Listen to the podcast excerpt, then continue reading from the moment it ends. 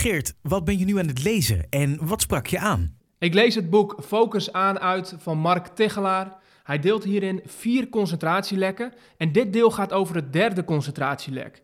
En dat gaat over dat je te weinig brandstof hebt. En hierover schrijft hij onder andere het volgende. Naarmate de tijd verstrijkt, neemt je concentratie en productiviteit af en neemt vermoeidheid toe. Op een gegeven moment kost het meer om door te werken dan dat het oplevert. Dit geldt zowel voor een tijdsblok als het aantal uren dat je op een dag maakt. Bij een tijdsblok betaal je de prijs in het volgende blok. In het geval van veel uren draaien op een dag, betaal je de volgende dag de prijs. Waarom sprak juist dit jou zo aan? Nou, voor mensen die ambitieus zijn en graag hard willen werken, slaat Mark Tichelaar hier natuurlijk de spijker op zijn kop. Want hoe lekker voelt het wel niet als je een dag aan het doorknallen bent, veel uren aan het draaien bent en uiteindelijk het gevoel te hebben dat je heel productief bent geweest. Maar Mark Tichelaar prikt daar dwars doorheen. En hij geeft aan dat lange dagen maken en hard werken misschien applaus oplevert op de korte termijn, maar op de langere termijn zorgt het ervoor dat je totaal niet productiever bent. Sterker nog, in plaats van dat je aan het winnen bent, ben je juist productiviteit aan het verliezen. Dus het is echt een belangrijke waarschuwing, een belangrijke boodschap om je te beseffen dat lange uren maken en heel veel werken je niet datgene oplevert wat je mogelijk verwacht.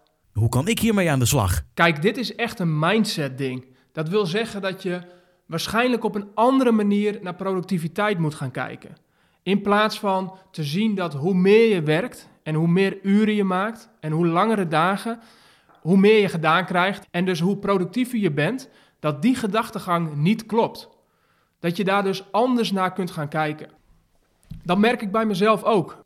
We zijn zo opgevoed met het idee dat als je ergens meer tijd en energie in stopt, dat je er dus meer uit krijgt.